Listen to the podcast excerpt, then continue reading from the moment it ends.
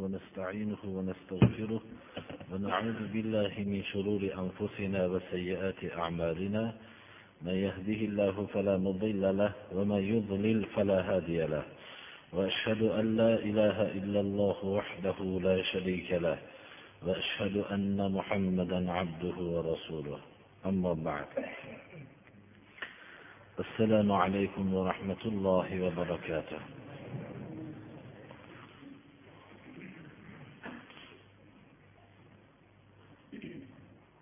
أعوذ بالله من الشيطان الرجيم.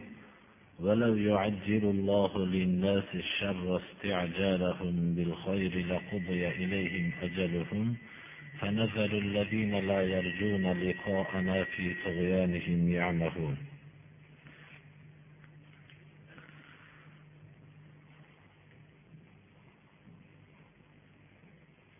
subhanahu va taolo rasululloh sollallohu alayhi vasallamni qirq yoshlarida payg'ambar qilib jo'natdi va bu kishi yigirma uch yil muddat risolat vazifasini o'tagan bo'ldilar. Risolat vazifasi yigirma uch yilni tashkil qiladi. Bu yigirma uch yilda rasululloh sollallohu alayhi vasallam dunyodagi risolat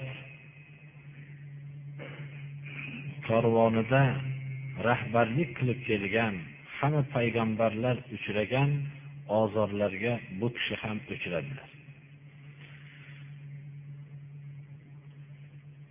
Payg'ambarimiz sollallohu alayhi vasallam payg'ambar bo'lganliklarini xabarini berishganda ular rasululloh sollallohu alayhi vasallamni masxara qilishdi ozor berishdi jismoniy ozor berishdi ruhiy azob ozor berishdi va hamda mana bu oyat bizga bayon qiladiki ozorning yana bir turini. Ya'ni agar haq yo'lda bo'ladigan bo'lsangiz siz haqiqiy payg'ambar bo'ladigan bo'lsangiz bizga shu azobni olib keling qo'rqitayotgan azobni deyishadi bu bir o'jarlikni nihoyat darajada bir qattiq surati. Inson biror bir narsada shak shubha qiladigan bo'lsa aytishligi kerakki agar shu yo'l haq bo'ladigan bo'lsa bizga alloh taolo shu yo'lni nasib qilsin.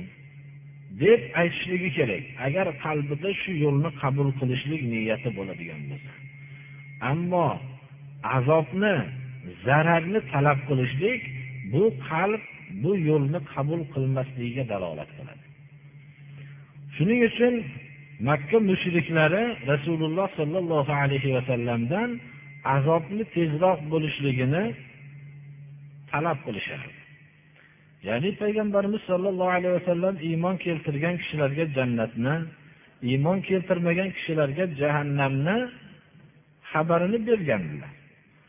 Aytar aytishardiki shu biz o'tgan ummatlarni haqidagi xabarni eshitishganda ular risolat yo'lini qabul qilishmagan vaqtlarda u ummatlarga azob bo'lganligini xabarini eshitgandan keyin bizga ham shu azobni olib keling deyishadi. Risolat bu azob olib kelishlik uchun kelgan yo'l emas. Risolat odamlarning qanday yashashsa dunyoda saodatlik bo'lish va oxiratda ham saodatli bo'lishlik yo'lini olib kelgandir. Bu azobni talab qilishlik risolat ma'nosini mutlaqo tushunmaslikdir. Alloh subhana va taolo yomonlikni tezda olib kelishlikka qodir. Lekin alloh subhana va taolo bu narsani iroda qilgani yo'q. Mana bu oyat bayon qilyaptiki agar olloh odamlarga yomonlikni tezlashtirib berganda ularning talablariga muvofiq qilib xuddi ular yaxshilikni ham tezda bo'lishligini talab qilishadi ko'p kishilar shu yaxshilik tezda bo'lsin deydi shu g'alaba tezda bo'lsin deydi. Mo'min kishilar tezroq shu g'alaba bo'lsa deydi. Agar alloh taolo odamlarga yomonlikni ham tezlashtirib berganda ular yaxshilikni talab qilishgan vaqtlarida talab qilishlarida tezlashtirib berganga o'xshagan ularning muhlatlari hal qilingan bo'lardi. Muhlat tamom bo'lardi ular hayotlari tamom bo'lardi. Shu vaqtda yomonlik kelardi shu vaqtda ularni halok qilib muhlatlari hayot muddatlari tamom bo'lgan bo'lardi. Lekin alloh subhanahu va taolo buni iroda qilmadi.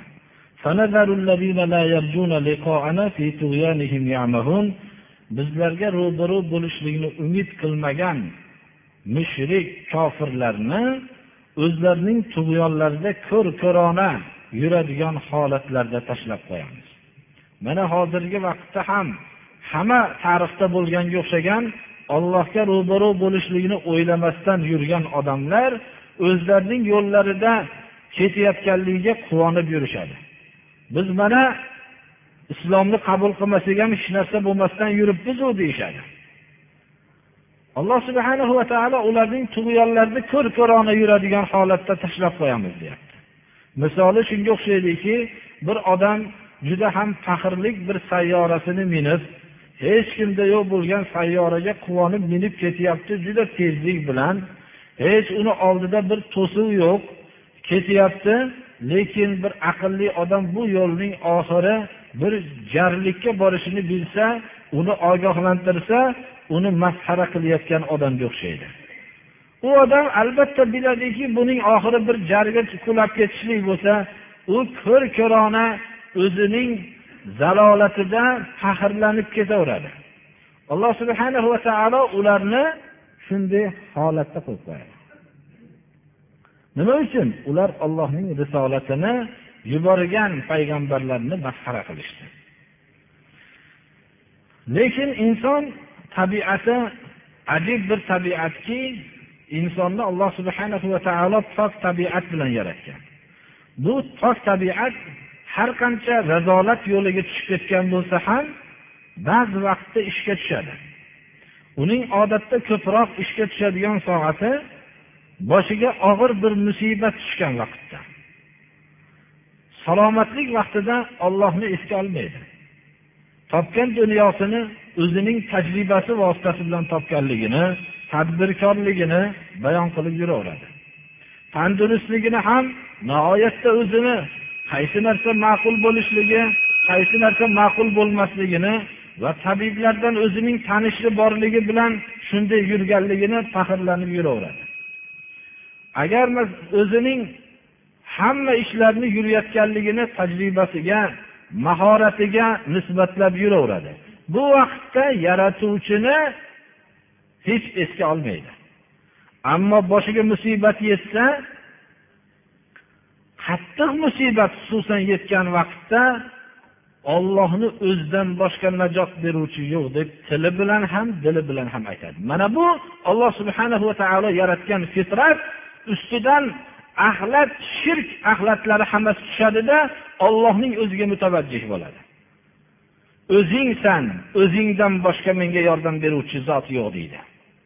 O'zing bu dardimga shifo bermasang hech kim menga shifo bermaydi deydi. Biror soatda bu dori darmonlarga suyanmaydi hamma o'rtadagi vositalarni olib tashlaydida o'zingdan boshqa najot beradigan zot yo'q deydi. Kambag'al bo'lib nihoyatda muhtoj bo'lsa o'zi o'zicha gumon qilgan tadbiru mahoratlar hammasi ish bermaganda sen o'zing meni yo'limni najot berib kasbimga barakot bermasang boshqa menga barakot beradigan narsa yo'q deydi. Meni qo'limdan hech narsa kelmaydi deb faryod chekadi biror bir dushmanga mag'lub bo'layotgan vaqtda ham shu vaqtda alloh subhana va taolodan boshqaga yolbormaydi. U vaqtda u bozorlari ham qoyishdan chiqib ketadi birodarlar sig'inib yurgan. Farzandiga og'ir musibat tushadigan bo'lsa u farzandiga bir kokil qo'yib kelgan bo'lsa biror mozorga atab u mozorlar ham esdan chiqib ketadi o'zingdan boshqa buni salomat saqlab qoladigan zoti yo'q deb yolboradi boshlaydi.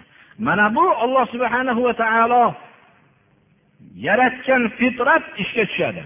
U og'ir bir musibat bilan o'nglanadi.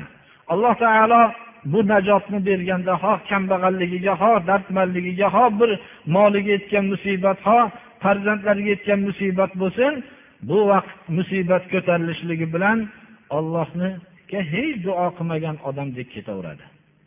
Mana bu tadbir bilan bo'ldi. Farzandimizni shunday moli davlatimizni sarf qilib kuchli tabiblarni aytuvdik yaxshi bo'lib ketdi deydi.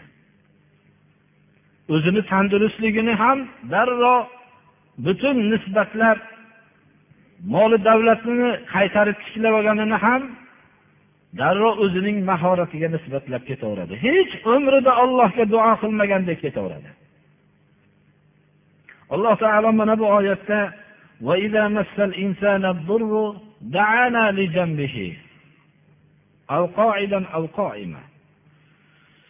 agar insonga bir zarar yetsa yotib ham bizga duo qiladi. Yotgan vaqtida ham faqat ollohga duo qiladi.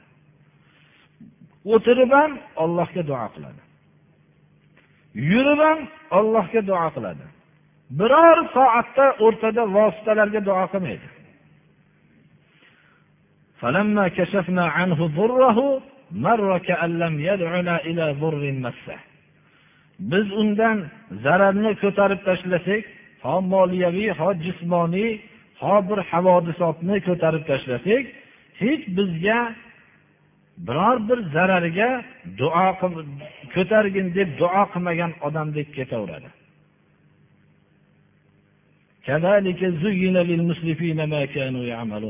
Haddidan oshganlarga qilgan amallari shunday ziynatli qilib ko'rsatilgan. Agar inson shu so'zini biror bir sharifga yozib qo'yadigan bo'lsa o'zining kasallik qiynalgan holatidagi so'zlarini ham bir suratlarini tasjil qilib yozib qo'ysa shundan keyin salomat bo'lgandek so'zlarni ham yozib qo'ysa o'zini majnunlikka hukm qiladi. Bu menmas deydi. Men bunchalik masxara kulgi bo'ladigan odam emas edim deydi. Lekin bovujud inson mana shunday hayotda olloh saqlaganlargina mustasnodir mana bunday achinarli hayotda yashaydi. ولقد أهلكنا القرون من قبلكم لما ظلموا وجاءتهم رسلهم بالبينات وما كانوا ليؤمنوا كذلك نجزي القوم المجرمين bu xabarlar oyat xabarlari rasululloh sollallohu alayhi vasallam va u kishiga ergashgan sahobalar ozor topayotgan vaqtda nozil bo'lgan edi biz sizlardan ilgarigi payg'ambarlar yo'lini qabul qilmagan odamlarni zulm qilishgan vaqtda halok qilib yubordik deydi. Ularga payg'ambarlari ochiq mo'jizalarni olib kelishgan edi. Ular hargiz iymon keltiruvchi kishilar bo'lishmadi. Bu jinoyatkor odamlarni shunday jazolaymiz.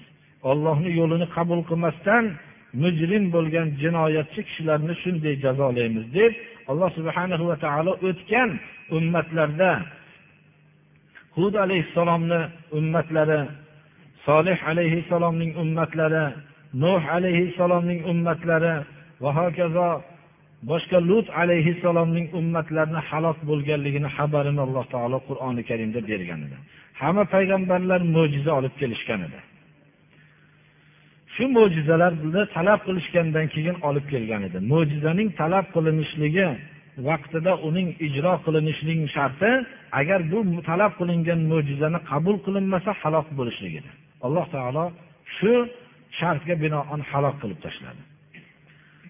Bular ham ozor chekishayotgan edi. Alloh taolo o'zining irodasi ummati muhammad sollallohu alayhi vasallamni o'tgan ummatlarning merosiga merosxo'r qilib ularni yer yuziga xalifa qilishlikni iroda qilgan edi mana bu xalifalikni alloh taolo va'da qilgan edi lekin iymon keltirgan va amali solih qilgan kishilarga va'da qilgan edi منكم وعملوا الصالحات لا يستخلفنهم في الأرض كما استخلف الذين من قبلهم sizlardan ilgarigilarni iymon amali solih keltirgan kishilarni xalifa qilgan edik sizlarni ham ichinglardagi iymon va amali solih qilgan kishilarga yer yuziga xalifa qilaman deb va'da qilgan edi. Xilofat vazifasini bu omonatni to'g'ri o'tasholmagan edi o'tgan ummatlar. Shuning uchun alloh taolo ularni halok qilib tashlagan edi. Mana bu bilan ummati muhammad sollallohu alayhi vasallamni ogohlantiryaptiki keyin sizlarni biz yerda ulardan keyin xalifa qildik. Yer yuziga ummati muhammad sollallohu alayhi vasallam xalifa bo'lishdilar. Biz sizlarni xalifa qildik. Bu xilofat endi qiynalgan davrdagi qiyinchiliklarni bir rohatga almashtirib olishlik emas. Avvalgi ozor yo'li bilan imtihon bo'lgan bo'lsa endi bo'lsa xilofat bilan imtihon davri keldi. Qanday amal qilishinglarni ko'rishligimiz uchun. Bu juda ham bir har bir odam o'zini hayotida shaxsiy hayotida ham shu oyatni bilishligi kerak. Ba'zi bir kishilar yoshlik vaqtida aytadi odamlar oila boshqarishni bilmaydi. Men bir oila quray bu oilani qanday boshqarishlikni bir odamlarga o'rgatib qo'yaman deydi. Oila quradi. Oila qurgandan keyin qanaqa qilib boshqarishlikni ho'p o'rgatib qo'yadi birodarlar. Ba'zi bir kishilar dinga xizmat qilib yurgan kishilar oilalik bo'lgandan keyin dinga xizmatini tashlashib faqat oilani xizmatiga o'tib ketishadi.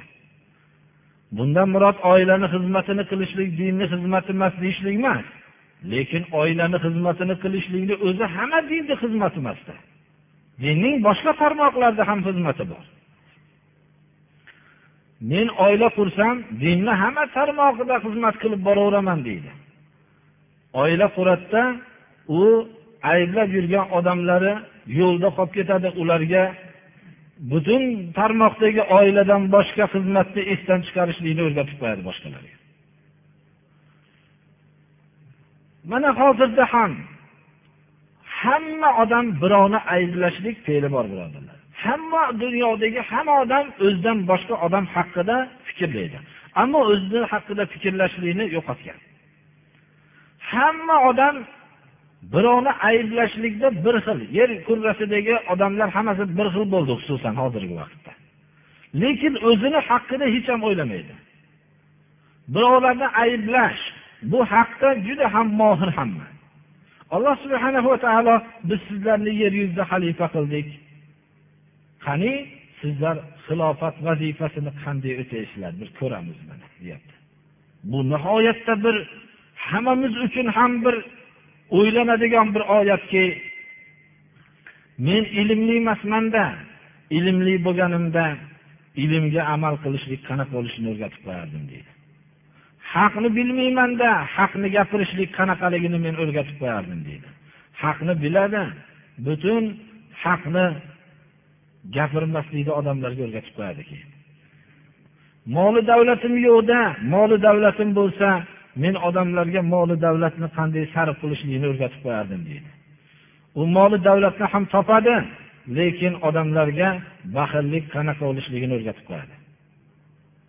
Hamma sohada birodar o'zini tekshirib ko'rsa odam dunyoda o'zidan ko'ra nuqsonlik odamni topolmay qoladi agar bir insof bilan qarasa. Topilgan butun mollar qobiliyatlar insonning o'zining shaxsiy manfaatidan boshqaga ishlamayotganligini odamlar o'rgatib qo'yyapti hozir shuning uchun alloh taoloning mana bu oyati juda bir ajib bir bizni voqeligimizda ifodalaydiki har bir insonni voqeligini ifodalaganga o'xshagan keyin sizlarni biz yer yuziga xalifa qildik. Qani ko'ramiz endi xalifalikni sizlar qanday xilofat vazifasida qanday amallar qilasizlar? Ashoblar olloh rozi bo'lsin ular xilofat vazifasini nihoyat darajada omonat bilan o'tashdilar. Abu bakr roziyallohu anhu xususan umar ibn hattob usmon roziyallohu anhu ali ibn abi tolib va hamda umar ibn abdul aziz bu kishilardan bir necha yil keyin xilofat vazifasida nihoyat darajada omonat bilan hayotlarini o'tkazishdilar. Hozirda ham dunyodagi hamma rahbarliklarda birodarlar xiyonat mana shunday narsalar to'lib toshyapti butun dunyo bo'yicha. Lekin bizning islom yo'lini hayotga tadbiq qilinmagan diyorlarda birodarlar. Hayotga tadbiq qilolasa birinchi odam o'zida tadbiq qilolishlik kerak. O'zida tadbiq qilingan odamlardan tashkil topgan jamoatgina ollohning xilofat vazifasini o'tolmaydi o'zini birinchi o'zida islomning hukmlarini o'zida qurolmagan odamlardan to'plangan jamoa bu hech qachon xilofat vazifasini o'tolmaydi ko'p kishilar odamlar jamlanib qolganda hammalari o'zlari o'nglanib qoladi deb tushunayotgan odamlar go'yoki shunga o'xshaydiki chirigan taxtalar to'planib qolganda baquvvat qayiqqa aylanib ketaveradi deganga o'xshagan. Har bir taxta toza bo'lmaguncha ulardan bir jamlangan qayiq hech qachon bu to'g'ri biror joyga qo'yib ustini bo'yoqlar bilan chiroyli qilib qo'yib qo'yishingiz mumkin tomoshaga. Uning chirigan joylarini bekitib lekin buni hayot to'lqini bu kema to'lqinga chiqadi birodarlar. Suvga chiqadi qarshiliklarga uchraydi. Mana bu to'lqinlarda u bardosh berolmaydi. Qo'polroq qilib aytsak bitta bo'ri qo'yni yeb qo'yadi ammo bo'rilarni to'plab qo'yganda qo'yga posbonlik qilaveradi degan falsafadan boshqa falsafa emas birodarlar. Har bir odam o'zi poklanmaguncha bu poklanmagan jamiyatdan tashkil topgan poklanmagan kishilardan tashkil topgan jamiyat hech qanday bu hayotdagi o'zining xilofat vazifasini o'tolmaydi birodarlar. Rasululloh sollallohu alayhi vasallam shuning uchun e'tiborlari musulmon kishini tiklashlikka harakat qildilar. Bu musulmonlarni tiklashlikni avvaldagi davrlari makka muhitida musulmonlarni bittadan har bir kishi o'zini yaqinini bilgan tanigan kishini islom yo'liga da'vat qilishlikdan iborat bo'lsa qirqtaga yetganlaridan keyin da'vatni oshkor qildilar. Da'vatni oshkor qildilarda va bu da'vat xalqlarga ko'rindi. Bu da'vat yo'lida ko'plar shahid bo'ldi. Moli davlatlardan mahrum bo'lishdi. Shu da'vatga sodiq qolishlik yo'lida. Uylaridan mahrum bo'lishdi. Mana birinchi hijrat habasistonga bo'ldi. Bu ozorlarni ko'rganda xalqlar buncha ozorlarni qabul qildirayotgan bu yo'l qanday yo'l ekan deb tekshirishlikka sabab bo'ldi birodarlar. Demak inson o'zining eng qiymat narsasi bo'lgan moli davlati hovli joylari va o'zining hatto jonini ham qurbon bo'lishiga o'zining hayot yo'lida tayyor turganligini ko'rganda odamlar bu yo'lni tekshirishlikka sabab bo'ladi birodarlar. Hozirgi vaqtdaki musulmonlarning musulmonchiligi mollariga zarar yetmasa uylariga bir zarar yetmasa hamma tarafdan xotirjam bo'lishgandagina musulmon bo'lib namoz o'qib islomni aytganlarini qilishyapti. Lekin hali mollariga yo jonlariga zarar yetganda islomda barqaror turishadimi yo'qmi uni olloh biladi ko'ramiz ular nima amal qilishligini deyapti alloh taolo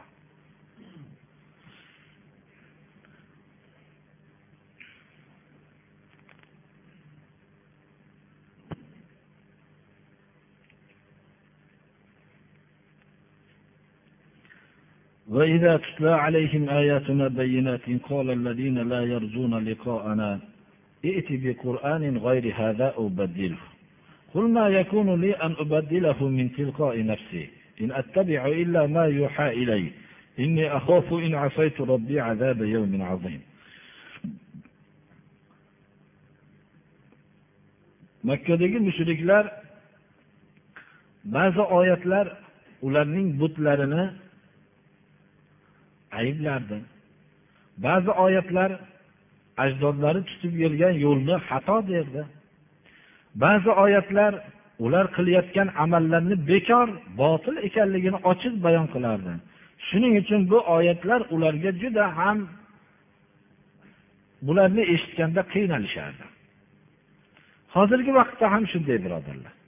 Odamlarga bir islom qilib bersangizki shunday islomda yashashni xohlaydiki nima qilsangiz ma'qullaydigan bo'lsa. Har bir ishni to'g'ri deberadigan bugun bir narsani to'g'ri desangiz ertaga noto'g'ri deb beradigan. Bir qo'lbola bir islom kerak deydi. Oyatlarni bir chekkadan o'qib beraversangiz quloq solaveradi.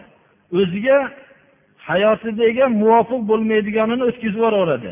Ichidan muvofiq bo'ladigani chiqib qolganda mahkam ushlaydi qur'onda bunday degan alloh taolo deydi.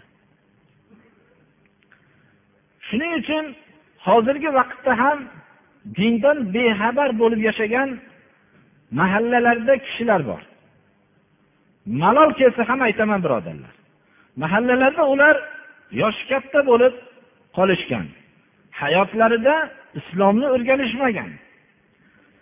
Shu islomni o'rganishmaslik natijasida ular qandaydir katta bo'lganda yo qarindoshlarni ichida yoshlar namoz o'qiganligi uchun yoinki bir ehson deb atalgan joylarga kelganda jamoatga to'g'ri kelib qolganligi uchun yon masjid mahallasini yonida bir masjid qurilib qolganligi uchun namozga yoshlar chiqqan vaqtida o'zini chiqmasligidan hijolat bo'lishligi uchun namoz boshlagan kishilar bor. Endi ulardan biror bir islomni hukmi so'ralganda birodar men bu islomni bilmayman men. Men yangi namoz o'qidim meni xatoyimni siz ayting deyishligi kerak edi. Alloh subhana va taolo islomni qabul qilganligiga mana bunday sodiqlik bilan agar meni islom haqida mendan so'ramanglar. Meni kasbim bu. Agar shu kasbdan so'rasanglar aytib berolmayman. Men qur'ondan bir oyatni bilmasam hadis sharifdan bir narsani bilmasam meni odamlar yoshi katta deb to'g'riga chiqarishyapti xolos. Mendan bu narsani so'ramanglar. Mana bu ukamiz bilar ekan shundan so'raylik. Demoqligi kerak edi. Mana shu deyishligi islomga qalbi bilan o'tayotganligini belgisi bo'lardi. Lekin u narsani qo'yadida ilgari bir odamlarni boshqarib yurgan bo'lsa endi ham domlalarni ham boshqarishlik meni ixtiyorimda deb o'ylaydi. Shuning uchun qur'ondan unaqa bizga qattiq bo'ladigan gaplarni aytib bermang bir qur'ondan hozirgi o'zimizga mana shu o'tirishimizga muvofiq joydan aytib bering deyishadi. Bu so'z xuddi mana bu mushriklarning talabidan boshqa narsa emas birodarlar. Mushriklar ham aytishardi ularga alloh taolo aytyaptiki ularga bizni oyatlarimiz ochiq oyatlarimiz tilovat qilinsa aytishadiki bizlarga ro'baru bo'lishlikni umid ham qilmaydi ular. Ular bu namoz jannatga olib kiradigan amal. Bu namoz o'qimaslik jahannamga o'tin bo'lishlikka olib boradigan narsa demaydi. Odatda bir yosh ulg'ayganda shunday qilishlik kerak ekan endi masalan bir mast qiluvchi ichimlikni ichsak tabib aytyapti o'lasan deyapti shuning uchun ichmay turmasak bo'lmaydi shekilli deb u mast qiluvchi ichimlikdan tiyilish ham olloh man qilganligi uchun emas. Balki bir rasmiy bir narsalar uchun. Mana shunday bo'lganda bizga boshqa qur'on olib keling deyishardi. Muhammad alayhissalomga bu qur'on bizni ba'zi hayotimizda ishlarni man qilyapti bizga boshqa qur'on olib keling. Yo bo'lmasam shunaqa bizni dilimizga qattiq tegadigan joylarni o'zgartirib yuboring deyishardi. Mana bu so'zdan boshqa narsa emas. Ular aytishlari kerak ediki hozirgi vaqtdagilar ham bizga qur'onning haq hukmini ayting. Biz shuni amal qilamiz. Bu rabbimizni so'zi bu. Iymon keltirganmiz qur'on ollohni kalomi deb. Bu biror bir domlani so'zi emas. Ollohni kalomi. Bu kalomga o'zimizni o'nglamoqligimiz kerak. Biz endi hayotdagi johiliyatimiz qoldi. Endi bu hukmni bayon qiling biz amal qilamiz deyishlari kerak edi. Ularning mana shu so'zdan boshqa narsa emas. Ha falonchi domla bunaqa bir bizga bunaqa qattiq gaplarni aytmaydi bizga ana shunisi tuzuk ekan deyishadi. Mana bir mast qiluvchi ichimlik qilsa ham kirib bir qur'on o'qib bir pata qilib qo'ysinlar desa pata qilib beradigan domla bo'lishligini xohlashadi. Bir qimorimizga o'ynayapmiz bir rivoj bersin deb bir ozgina qo'pol qilib aytaman. Shu ahli ilm odamga ko'taridan ozgina olib kirsa bir ishimga rivoj bersin bu qimorlarni bir og'ir bir qimorga ketyapman bir duo qilsinlar desa shuni duo qiladigan domlani istashmoqchi ular harom halol degan so'zni aytmasa farzandlari shariatga zid yursa ham e bu juda bir ajoyib sizni farzandingiz bo'lgan deb haqqiga duo qilib beradigan bir qo'lbola domla kerak.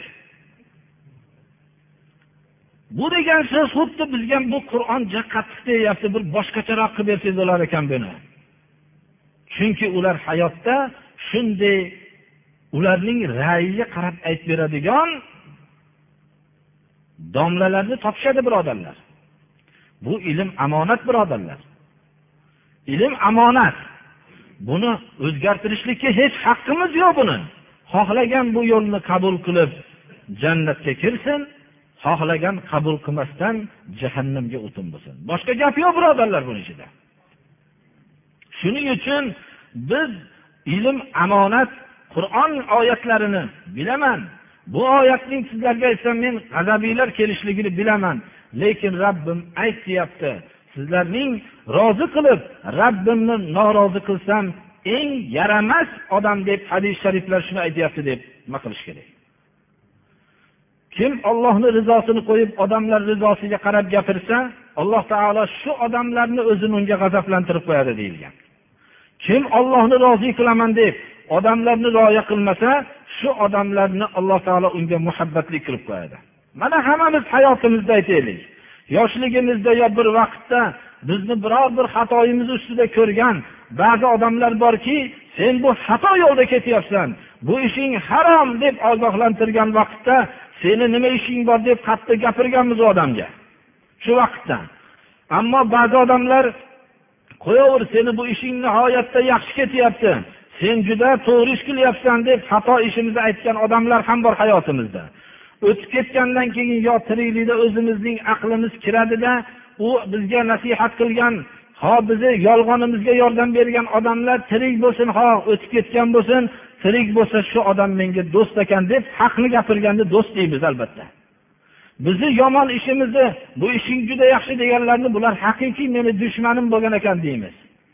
O'tib ketgan bo'lsa agarki bizga qattiq ozor bergan bo'lsa ham olloh rahmat qilsin shu odamni bizga haqni gapirgan ekan u biz tushunmagan ekanmiz deymiz. Alloh subhana va taoloning hayotdagi sunnati bu. Qaysi bir odam haqni so'zini aytgan bo'lsa u odamni odamlarga alloh taolo muhabbatlik qilib qo'yadi. Hamma shundan so'kish eshitgan odamlar ham u odamni do'st deb tirikligida ham vafotidan keyin ham tan olishib yashashadi.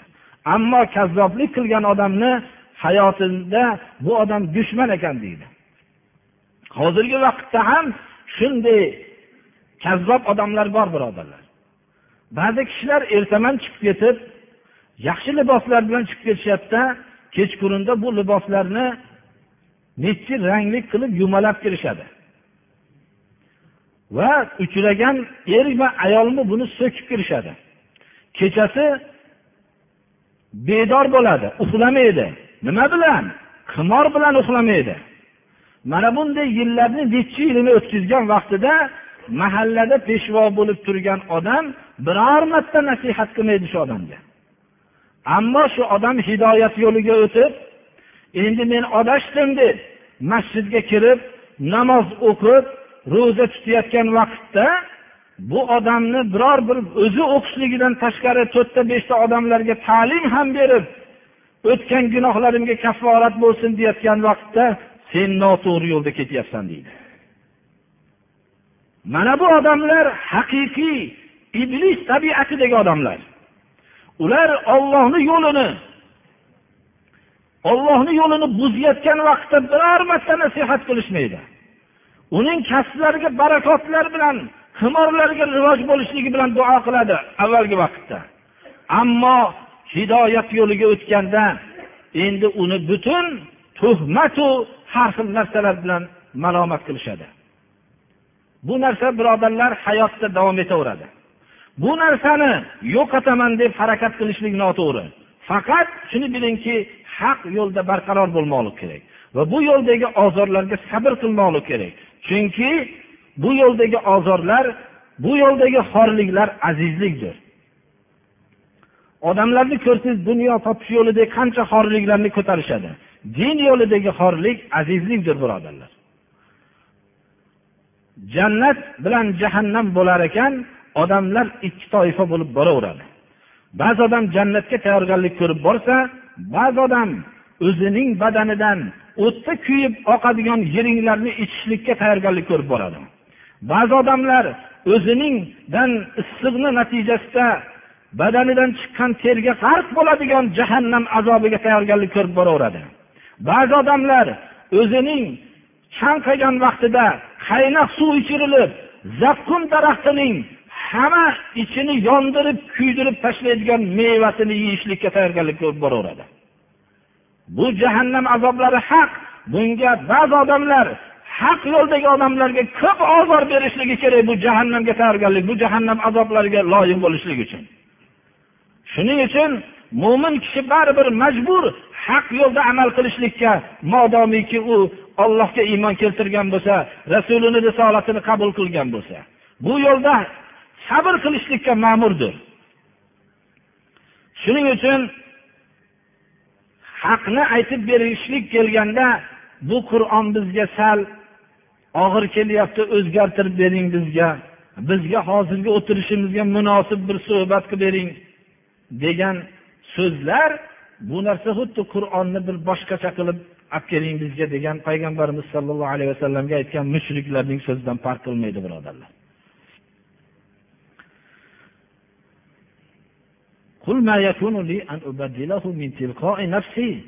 Ayting ularga men bu men uchun mumkin emas o'zimni tarafimdan bu qur'onni o'zgartirishlik.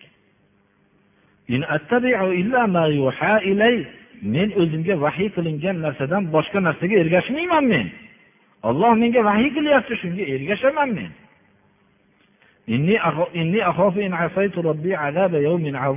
Robbim meni ayab agar osiy bo'lsam? Agar robbimning buyrug'iga xilof ish qiladigan bo'lsam osiy bo'lsam katta kunning azobidan qo'rqaman deydi.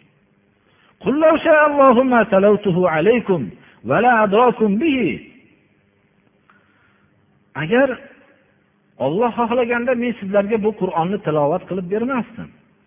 Alloh taolo sizlarga bu narsani bildirmagan bo'lardi. Qur'onni olloh xohlaganda sizlarga bildirmagan bo'lardi men ham tilovat qilib bermagan bo'lardim sizlarga. Men sizlarni ichinglarda uzoq umr yashadim biror bir kalima sizlarga tilovat qilib berganim yo'q olloh xohlagan edi meni tilovat qilib bermasligimni qirq yil muddat men sizlarga biror narsani vahiyni davo qilmasdan menga vahiy bo'lyapti demasdan ichinglarda nima ishlar qilgan bo'lsanglar sizlarni man qilmasdan yoyinki biror ishga buyurmasdan yashaverdim dedilar.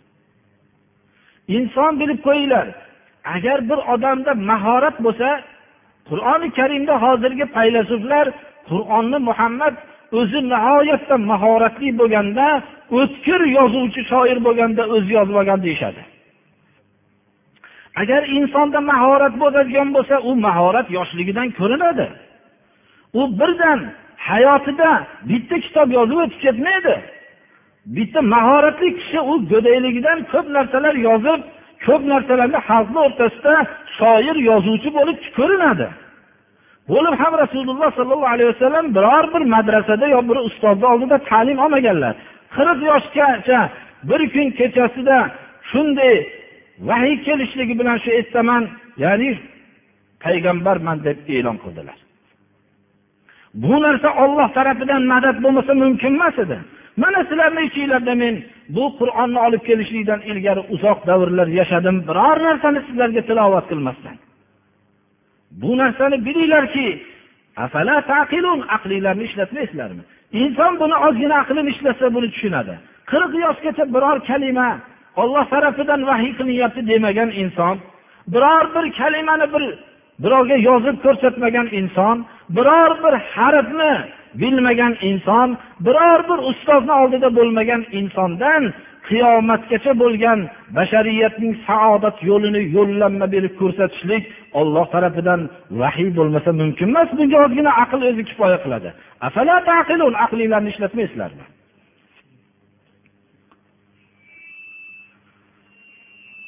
Dunyoda bo'htonni birodarlar ollohga qilmaydi birov magar eng katta kazzob bo'lgandagina buni qilishi mumkin.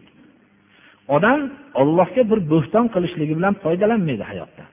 Birovga bo'xton qilib foydalanadi. Masalan bir kishi birovni sha'nida mendan shuncha molni olib bermayapti deb bo'xton qilsa shu molni olib kelib foydalanadi. Haligi bo'xtonida g'alaba qilsa ancha molli bo'lib hayotda o'zicha yaxshi yashaydi. Lekin ollohga bo'xton qilishlikdan nima manfaat oladi birodarlar? Alloh subhana va taologa bo'xton qilishlik u qalbida juda kazzob bo'lib ketgandagina shunday bo'ladi. Va endi bu bo'xton tez kunda ma'lum bo'lib qoladi.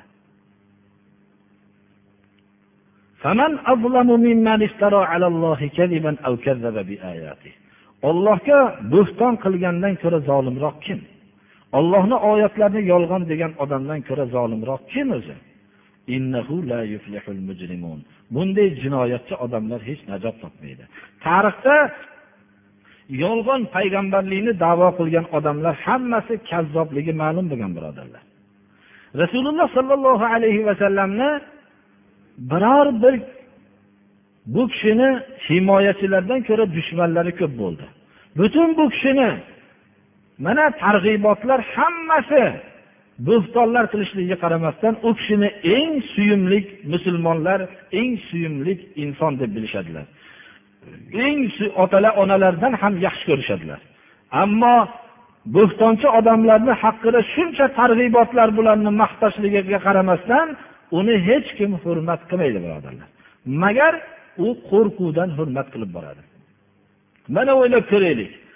Butun yo'llar bo'xtonlik bilan qurilgan yetmish yildagi davom etib kelgan yo'llar bir kunda hammasi kizib bo'xton bo'lib chiqdi birodarlar bu vaqtda unvonlar olib faxrlangan odamlar endi unvon olganligini birovga aytmasdan shu unvonlar haqida gap bo'lsa bosh quyi bo'lib egilib ketadigan bo'lib qoldi.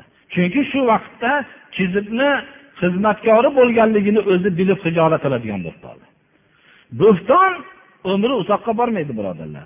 Rum hukmdorligi ming yil hukm surdi. Lekin ming yilda rum hukmdorligining bo'xton bilan kezibga qurilganligi u narsa hammasi yo'qolib ketdi. Chingizxon davridagi eng qattiqqo'l bo'lgan chingizxon odamlarni bir narsani o'ylashlikni ham meni fikrim bilan maslahat bilan o'ylaysan deb zo'ravonlik qilgan chingizxon malum bo'lib qolib ketdi birodarlar. Mana bu narsalar tarix bizga ibratki ollohga bo'ston qilgan odam albatta ular ollohni yo'liga bo'ston qilgan odamlar ular hech qachon najot topmaydi. Tarixda biror bir kishi najot topgani yo'q magar ollohni yo'lini xizmatkori bo'lgan odamlar najot topdi. Ollohni yo'lidagi xizmat qilgan kishilarni sha'nida yolg'on bo'stonlar qilib yurgandan keyin ham shuncha targ'ibotlar buni yomon deyilgandan keyin ham yana xos inson ekanligi ma'lum bo'lib qolaverdi. Taqvo qilishlikka avvalo o'zimni va sizlarni nasihat qilaman. Alloh subhanahu va taolodan taqvo qilishlik birinchi tavhidni o'zida mujassamlashtirishlik bilan bo'ladi. Tavhid islomiy sof aqida agar insonda vujudga kelmasa uning amallari maqbul bo'lmaydi.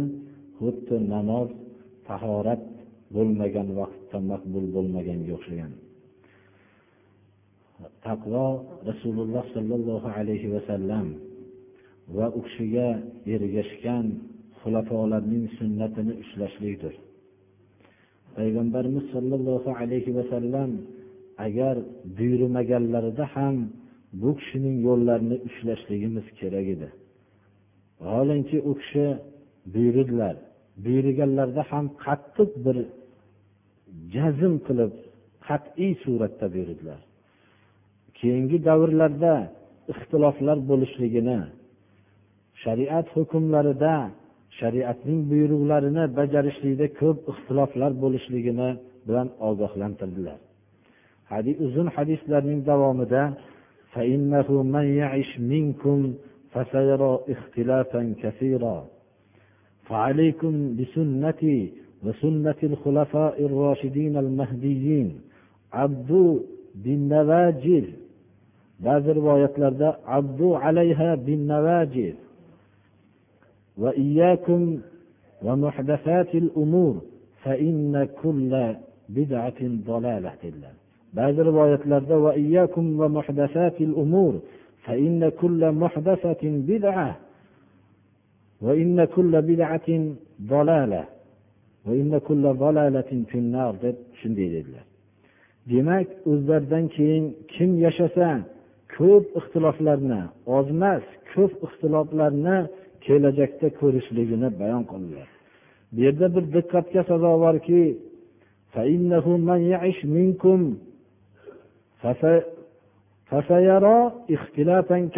dedilar. Demadilar. Tez kunda ko'p ixtilofni ko'radi dedilar. Savfa bilan ham aytmadilar. Ya'ni tez kunda ixtilof boshlanishligini bilan ogohlantirdilar. Sin yaqinroq davrga ishoradir arab tilini bilgan kishilar mana bundan xabardor. Shunda dinda yangi paydo qilingan narsalardan chetlanishlikka buyurdilar. O'zlarining sunnatlarini va xulafoi roshidin al mahdiyin bularning sunnatlarini ushlashlikka buyurdilar va oziq tishlar bilan tishlanglar dedilar.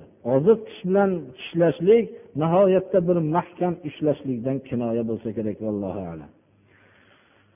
Shuning uchun mana abu dardo roziyallohu anhudan rivoyat qilinadi. Abu dardo bu ko'p hakim bo'lgan sahobalardan.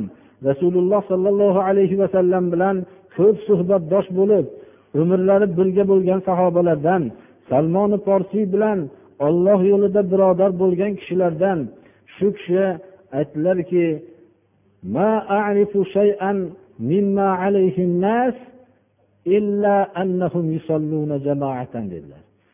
men ashoblar qilib yurgan amallardan birontasini tanimayapman bu odamlarda magar ular jamoat bilan namoz o'qishyaptilar shu qopda deydilar. Abu dardo vafot qilmasdan bu kishi sahobalar shu kishi aytgan ekanlar. Imomi molik muvattoda keltirdilarki bu kishi ba'zi sahobalardan rivoyat qilib aytadilarki مما أدركت عليه الناس إلا بالنداء بالصلاة dedilar men ashoblar yashagan davrdagi holatlardan birorta narsani ko'rmayapman deb kim aytyaptilar sahobalarning ba'zisidan imom molik muvattoda rivoyat qilyaptilar sahobalar davri tugamasdan turib odamlar dinda o'zlarining havolari bilan amal qilishlik davri boshlanganligiga chunki sahobalar o'zlari sodiq qolishgan edilar rasululloh sollallohu alayhi vasallamning yo'llariga magar namozga nido qilib azon aytishyaptilar shu qoldi degan ekanlar. Mana bu narsa bizlarning qanchalik ehtiyot bo'lishligimizga biror bir rasululloh sollallohu alayhi vasallam o'zinglarni ajdodinglarni yo'lini tutinglar deb nasihat qilmadilar. Mening sunnatimni va mening xulafolarimni ya'ni roshid to'g'ri yo'ldagi va mahdiy bo'lgan xulafolarimni haqiqiy xalifa bo'lganlarning yo'lini mahkam ushlanglar dedilar. O'zlarini xalifa deb nomlaganlarni yo'lini maktub hatto shunday dedilar birodarlar. Xulafolarni roshidin al mahdiyinga qayd qildilar. Demak biz ixtilof modomiki hayot bor fikrlar turli bo'lishligi bo'lar ekan. Biz bu fikrda modomiki iymonni ollohga bo'lgan iymonni rasuliga bo'lgan iymonni davo qilar ekanmiz. Rasululloh sollallohu alayhi vasallamdan rivoyat qilingan hadislarga sunnat uch narsani tashkil qiladi. Buyurgan so'zlari o'zlarining buyurmasdan qilgan amallari va huzurlarda qilinganda indamasdan rad qilmagan amallarni sunnat deyiladi birodarlar. So'zlarini hadis deyiladi. Shuning uchun u kishidan rivoyat qilingan sahiy rivoyatlarga suyanmoqligimiz kerak. Va xulafoi roshidin bo'lgan davrni biz o'zimizga namuna qilib olmoqligimiz kerak. Boshqa davrlar hammasida rasululloh sollallohu alayhi vasallamning shahodatlari bilan ko'p qarama qarshiliklar borligini xabarini bilan ogohlantirilyapti. Rasululloh sollallohu alayhi vasallam qiyomatgacha bu hadislari qoldi. Har bir haqiqiy xatiblar bu narsadan ummatni ogohlantirdi. Ular bu ogohlanib amal qilishsalar rasululloh sollallohu alayhi vasallamga ergashib u kishining bilan qiyomat kuni shafoatlari ularga nasib bo'lib havbi kavsardan u kishi suv ulashayotgan umrbod chanqamaydigan bir kishi ichsa va uning lazzatini ta'riflab bo'lmaydigan havli kavsarni ichishlik alloh taolo ularga nasib qiladi. Bo'lmasam ular boshqa yerdan bosh ko'tarishadi birodarlar buni biz nihoyatda ogohlanmoqligimiz kerak rasululloh sollallohu alayhi vasallamning nasihatlarini bunga amal qilishlikka biz harakat qilmoqligimiz kerak أعوذ بالله من الشيطان الرجيم اللهم استرنا بسترك اللهم احفظنا يا سيئات اللهم اللهم إنا نعوذ بك من الكفر والفقر والجبن ومن فتنة المسيح الدجال ومن فتنة عذاب القبر والقبر وصلى الله تعالى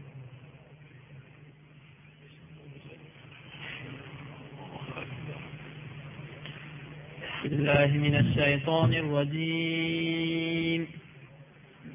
بسم الله الرحمن الرحيم.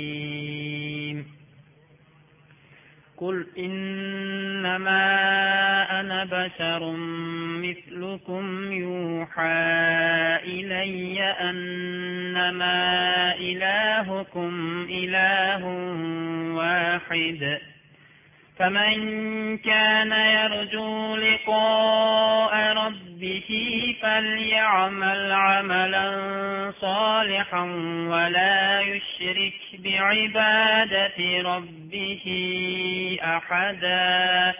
سبحان ربك رب العزة عما يصفون. وسلام على المرسلين والحمد لله رب العالمين.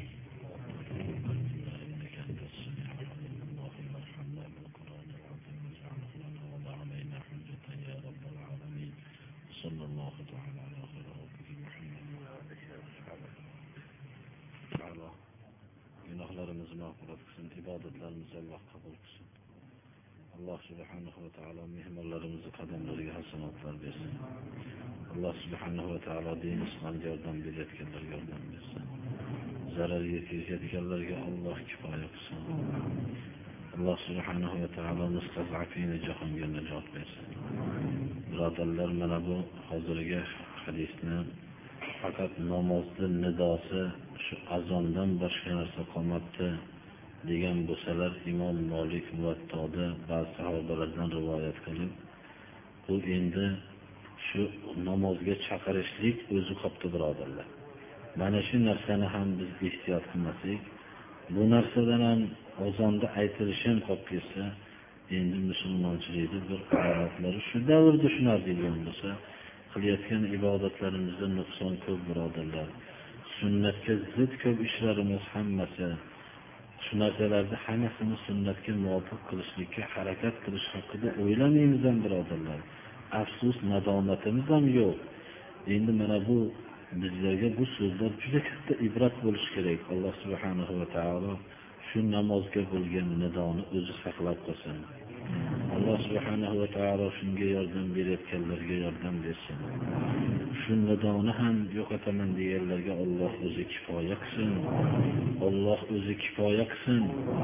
Olloh o'zi kifoya qilsin birodarlar biz bir zaif bir bechoramiz parvardigoro shu ibodatdan keyin duo ijobat o'zing ijobat qilgin parvardigoro. Mana nuh alayhissalom shunday duo qilib ekanlar jonlaridan o'tib ketgan ekan bu kishi. Xudoyo yer yuzida kofirni xonadonini qo'ymagin deb ekanlar. Chunki ular qolsa butun fosiq tojirlar yayrab yashaydi haqiqiy mo'minlar qiyinda yashaydi degan ekanlar. Alloh subhanahu va taolo hammamizni xursandligu g'amginlikda haq yo'lda barqaror qilsin. Alloh subhanahu va taolo kasalligu tandurustlikda haq yo'lda barqaror qilsin. Mana bu hammalari sahobalar bayat qilgan narsa. Fil makrahi val manshati alaykum bis-sam'i wat-ta'a fil manshati val makrah deyilgan. Ya'ni o'zingizni xohishingizga muvofiq hayot bo'lsa ham bo'lmasa ham olloh rasuliga quloq solish va itoat qilishlikka bayat qildik deydilar sahobalar. Mana shunda inson sodiq qolsa allohni ini koinotu yersa bo'lgan jannatini yo'liga chiqqan bo'ladi birodarlar. Hammamizga ham hamma soatda yoshligimizda ham qariligimizda ham o'zimiz davlatmanligimizda ham davlatligimizda ham kasalligimizda ham sog'ligimizda ham Allohning so'ziga rasulini so'ziga quloq solib itoat qiladiganlardan qilsin sallallohu taala ala xayri xalqihi muhammad va alihi va